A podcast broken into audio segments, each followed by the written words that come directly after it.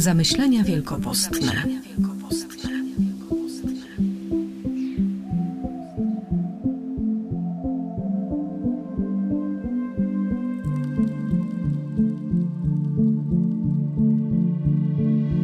Wstań, idź do Niniwy. Jeszcze czterdzieści dni, a Niniwa zostanie zburzona.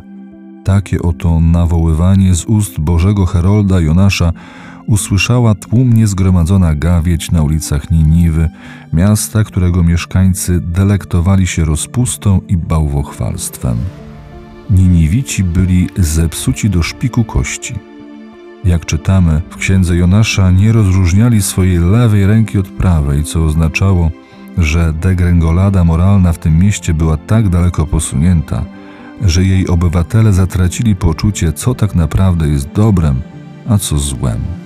Innymi słowy, zagłuszyli swoje sumienie.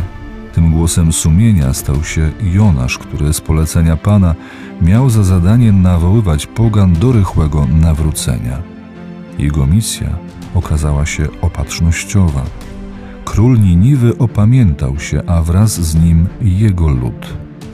Mieszkańcy miasta weszli razem na drogę pokuty, by przebłagać Boga i ocalić swoje życie. Ta legendarna Niniwa nie jest wcale gdzieś daleko. Nie trzeba jej szukać na mapie. Ona może okupować moje serce. Jej mury mogą być bardzo grube, a jej pogańskie, hedonistyczne zwyczaje mogą przeplatać się z moją codziennością. Bądź więc otwarty na głos proroka, który chce upomnieć Twe serce, dać mu impuls do podjęcia nowego życia. Tym prorokiem może być ktoś bliski, Twój rodzic, kapłan, katecheta, nauczyciel, serdeczny przyjaciel. Może nim być również jakieś wydarzenie, które swoją treścią poruszyło Twoją duszę. Zniszcz w sobie tę Niniwę, zanim ona zniszczy Ciebie.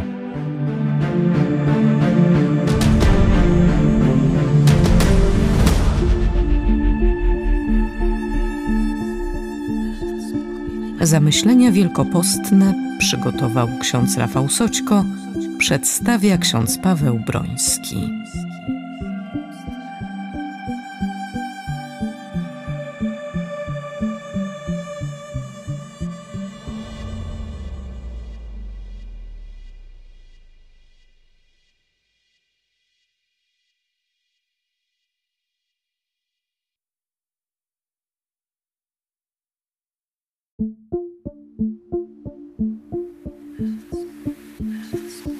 Zamyślenia wielkopostne.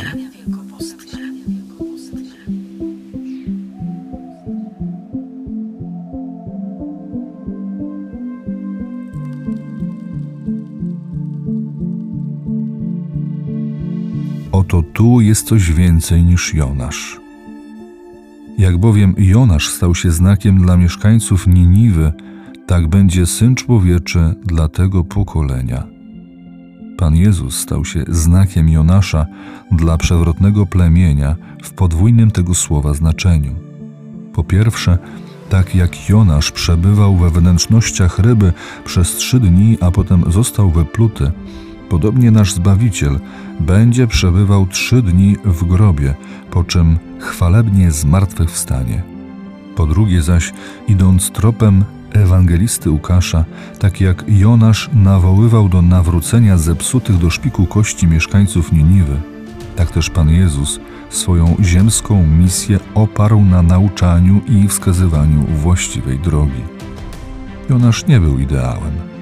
Chciał zdezerterować, nie kierował się logiką miłosierdzia, lecz sprawiedliwości, a gdy jednak przystał na Boży plan, wykonywał go od niechcenia żałował bardziej uschłej rośliny niż pogubionego człowieka. Mimo to stał się zapowiedzią Zbawiciela. Jezus to ktoś więcej niż Jonasz, ktoś więcej niż Salomon, ktoś więcej niż Mojżesz, ktoś więcej niż Hiob. Starotestamentalni bohaterowie odbijali w sobie tylko mały pierwiastek tego, kim będzie Mesjasz.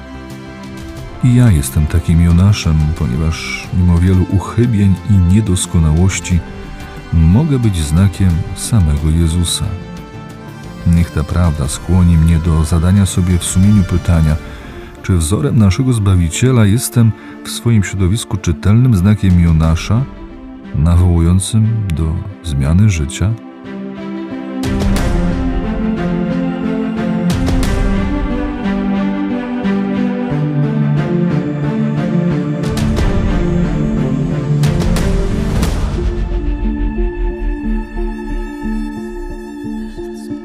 Zamyślenia wielkopostne przygotował ksiądz Rafał Soćko, przedstawia ksiądz Paweł Broński.